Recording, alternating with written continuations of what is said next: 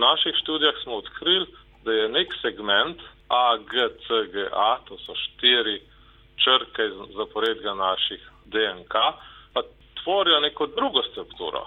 In naše poglobljene večletne študije so zdaj pokazale, da take strukture še niso bile znane.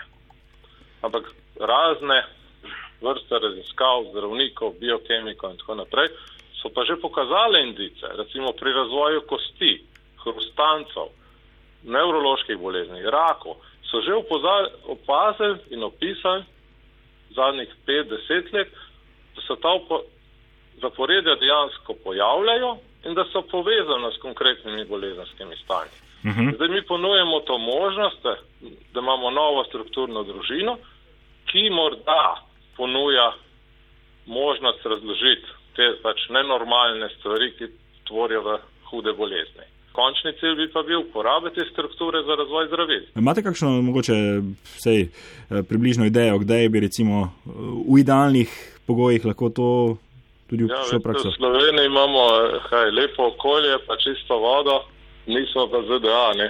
ampak ameriško okolje je narejeno, stimulira tvorbo novih podjetij, tudi z izdatnimi sredstvi, ki se jih v Sloveniji tudi približno za start-up ne predstavljamo, se pravi v desetinah milijonov in žal te vrste raziskav brez izdatne podpore. Ne rečem, da mora biti to javna sfera. Se farmacevtska industrija verjetno bi se morala.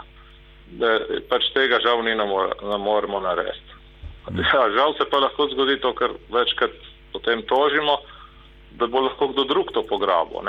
To, to znanje je pa zdaj javno dostopno, kar se mi zdi prav. Kdo bo pa zdaj lahko to, imel toliko volje, in bo verjel v te rezultate, da lahko ponudijo nova zdravila.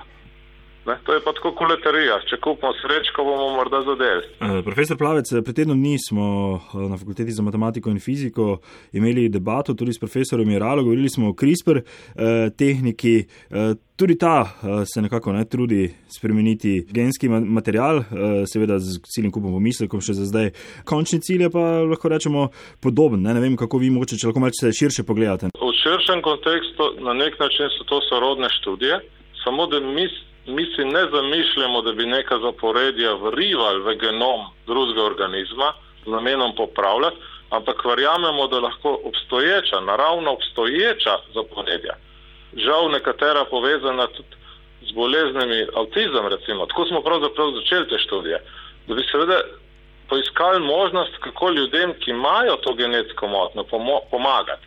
Se pravi, CRISPR-K sistem bi ta del genoma zamenjal, Mi, mi pa recimo ponujamo zdaj možnost, kaj je vzrok, da pride do bolezni in seveda ponujamo možnost, da bi pa lahko morda to uporabili kot tarča za razvoj zdravil.